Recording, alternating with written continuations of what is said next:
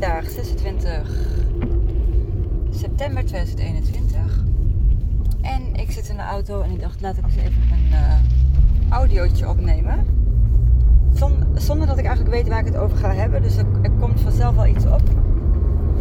En nou ja, ik denk eigenlijk dat ik het even ga hebben over uh, de coronapas. Want ja, er is niks meer uh, actueler dan dat op dit moment. En uh, nou, ik ben natuurlijk bezig om nu mijn audio uh, of mijn e-book om te zetten in kleine video's. Om jullie wat meer inzicht te geven in ja, de inhoud van het e-book en hoe ik daar naar kijk. Hè, omtrent de polarisatie en alles. En ja, nu is, dat is eigenlijk ja, een soort van oude informatie, wat ook heel, nog heel erg relevant is. Als ik dan even terugstap naar dat nu. En dus dat we hè, vanaf gisteren met die coronapas moeten gaan werken. Dan, ja, dan komt er ook alweer heel veel op waarvan ik denk, ja, dat is op dit moment ook heel erg relevant om daar iets over te zeggen.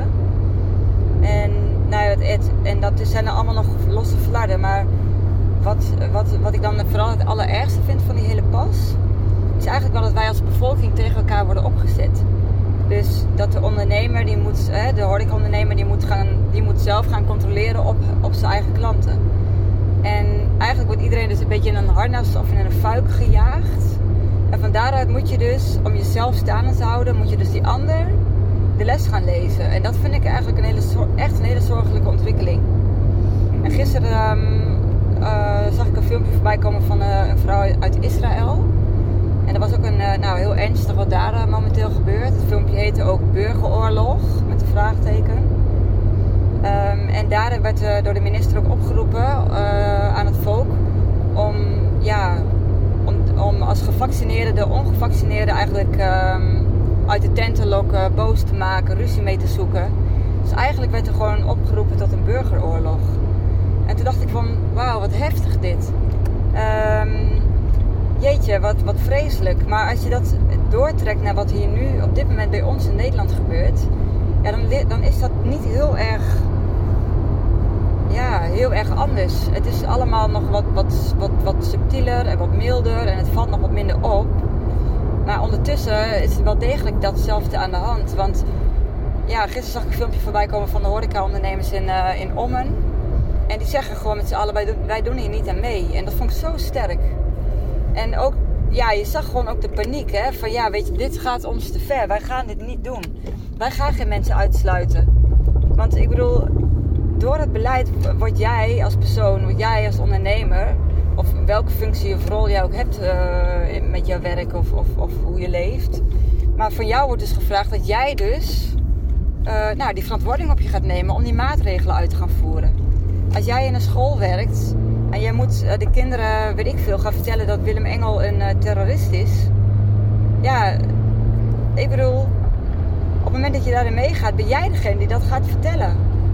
Omdat het jou wordt opgelegd. En dat vind ik, dat vind ik dus een hele zorgelijke ontwikkeling, waar ik absoluut niet achter kan staan. En wat ik ook echt heel erg traumatiserend vind voor heel veel mensen. Kijk, heel erg in het begin, was denk ik april 2020, toen, zei, toen schreef ik al een artikel van jeetje, je zou nu maar BOA zijn. Ik zou per direct ontslag nemen. Maar dat komt omdat ik, ja, ik heb zelf een heel sterk innerlijk iets, weet ik veel hoe je dat noemt, een geweten of zoiets. Maar ja, ik ben ook niet voor niks gestopt in de gehandicaptenzorg, omdat ik daar, ja, alle, alarmbellen bij mij gingen af. Ja, ik kan dit gewoon niet, ik kan niet doen alsof, ik kan niet steunen van, oh wat leuk met onze mondkapjes en allemaal prikken. Ik, uh, nee. En dan is het gewoon, dan wordt het zeg maar onwerkbaar. Maar voor heel veel mensen ligt die grens veel verder. Maar die grenzen die hebben ze wel degelijk. Ik kan me niet voorstellen dat mensen die grenzen niet voelen. En uh, ja, en dan vanuit angst om hun inkomen kwijt te raken of dat mensen er een mening over hebben, dan, dan, dan gaan mensen dus eigenlijk heel erg over hun eigen grens heen. En natuurlijk niet iedereen. Sommige mensen het wel prima vinden. Die denken, ik vind het wel goed hoor. Ik, uh, ik volg gewoon uh, de regels op die ik moet doen. En die hebben daar helemaal geen slecht gevoel bij. Maar dat zal denk ik een kleine, kleine categorie zijn. Maar voor al die andere mensen die zeg maar een soort van, ja, zoals laatst ook zo'n zo, zo, uh, zo kroegbaas, die eigenlijk helemaal er doorheen zit, gewoon niet meer weet wat hij moet doen. Maar hij moet mee in dit beleid, anders wordt hij gesloten. Nou moet je eens kijken jongen, waar sta je dan? Wat, wat, wat, wat, ik vind het zo'n onrecht om, om mensen in zo'n positie te plaatsen. Dat, dat je moet kiezen tussen twee verschrikkelijke onmogelijkheden. Ja, en dat, uh, en dat vind ik op dit moment eigenlijk nog het allerkwalijkst van, uh, van wat er gebeurt. En dan heb je nu natuurlijk ook mensen die gaan helemaal trots uh, delen van nou, eens kijken, ik heb lekker een etentje, dit en dat. Ja, prima, maar wat, wat wil je daar nou mee zeggen? Wat wil je daar nou mee doen? Van, waar sta je dan? Ga je dan denken van nou, wij zijn gevaccineerd, wij mogen alles en die, die anderen kunnen ons niet schelen of zo?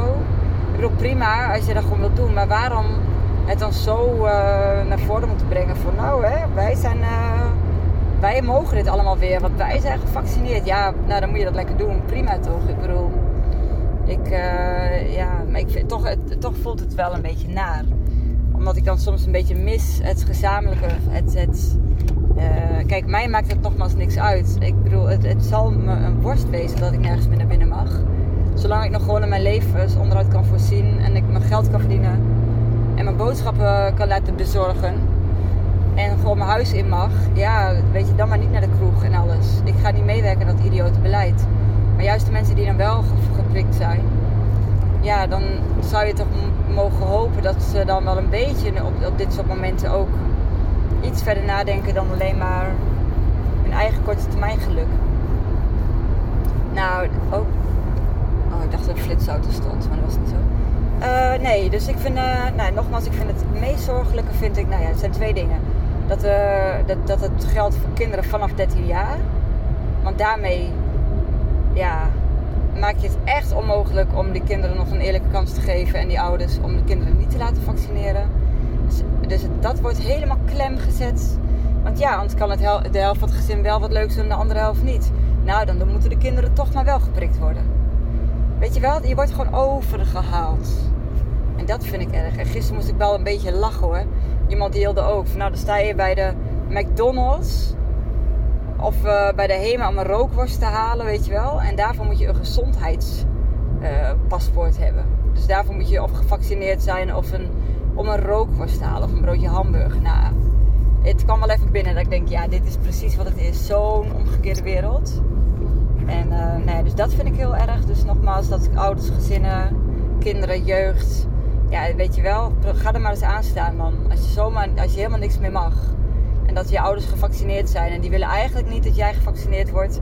Maar nu, omdat je anders met, als gezin niks meer mag, doe maar dan. Ja, dat vind ik dus niet best. En aan de andere kant, um, ja, dat wij als mensen tegen elkaar worden opgezet. Hè? Dus wij worden samen verantwoordelijk gemaakt voor het uitvoeren van beleid. Doe je dat niet, nou, dan wordt je zaak gesloten bijvoorbeeld. Of dan krijg je boetes. Of weet ik veel wat. Dus dat vind ik, uh, dat vind ik het allergrootste onrecht in deze tijd. Nou, uh, een mooi nadenkentje dacht ik zo. Ik stop hem nou, volgens mij heb ik hem heel kort, maar 8,5 minuut. Dus dat is keurig. En nou, ik kom binnenkort alweer opnieuw online met een leuke, of leuke, met een audio. Leuk of niet leuk, een verhaaltje. Goed, voor, je, voor nu een hele fijne zondag. Het is 26 september. En um, ja, het wordt een hartstikke mooie dag. Het wordt 23 graden. En ik zou zeggen, ga lekker naar buiten en geniet van deze prachtige dag. Nou jongens, tot later maar weer. Joe!